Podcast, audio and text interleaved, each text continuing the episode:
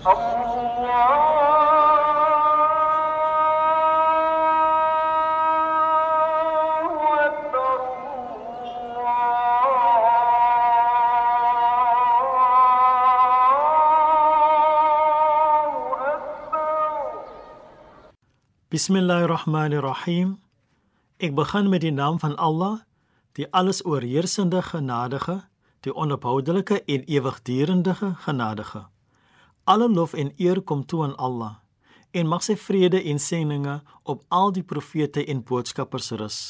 Ek vra ondersteuning van die boodskapper van Allah, die vriende van die boodskapper van Allah.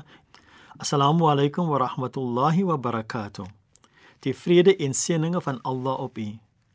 Inna Allaha wa malaikatahu yusalluna 'alan nabi. Waarlik waar. Allah en die engele plaas lof en eer op Nabi Muhammad. O julle wat glo, plaas lof en eer op hom vele kere. Ons het ons bespreking oor die genade wat die Nabi vrede en seëninge op hom vir die wêrelde is voort.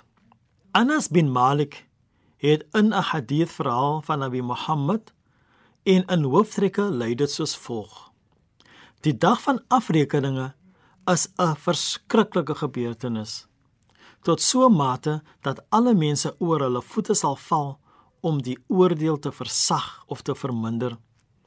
In hulle soeke daarna sal hulle van die een profeet na die ander hardloop sodat daardie profeet vir hulle in die bresse kan tree by Allah.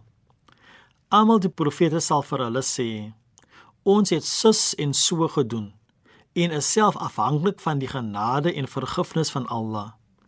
Ek is primêr besorg oor my eie toestand by Allah. Gaan soek maar iemand anders om vir jou in te tree.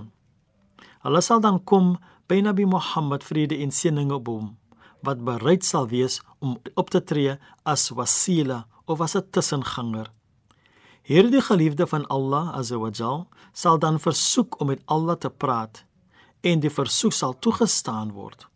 Hy sal dan vir Allah nader.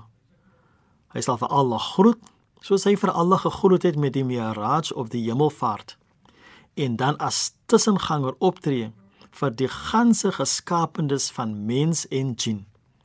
Hy sal smeek vir genade en vergifnis van Allah vir almal van ons sondes en hy sal nie rus voordat elkeen wat Allah wil om in die paradys of Jannah in te gaan binne gegaan het nie. Uit hierdie vertelling kan ons dus aflei dat Nabi Muhammad vrede en seëninge op hom selfs op die afrekeningsdag as 'n genade vir wie Allah wil dit 'n genade sal wees. O Allah, plaas seëninge en lof en eer op die opperste van die mensdom, Nabi Muhammad, die ongeletterde profeet en op sy familie en op sy vriende. O Allah, ons bely dat ons nie weet hoe om seëninge, lof en eer op u profete te plaas nie. Ons vra u en ons smeek u om dit namens ons te doen. U is alwetend, u is alwys. Ons vra dit met die seëninge, die goedheid en die geheimenisse van Suratul Fatiha of die openingsverse van die Heilige Koran. Bismillahirrahmanirrahim. Ek begin met die naam van Allah, die alles oorheersende genadige, die onophoudelike genadige.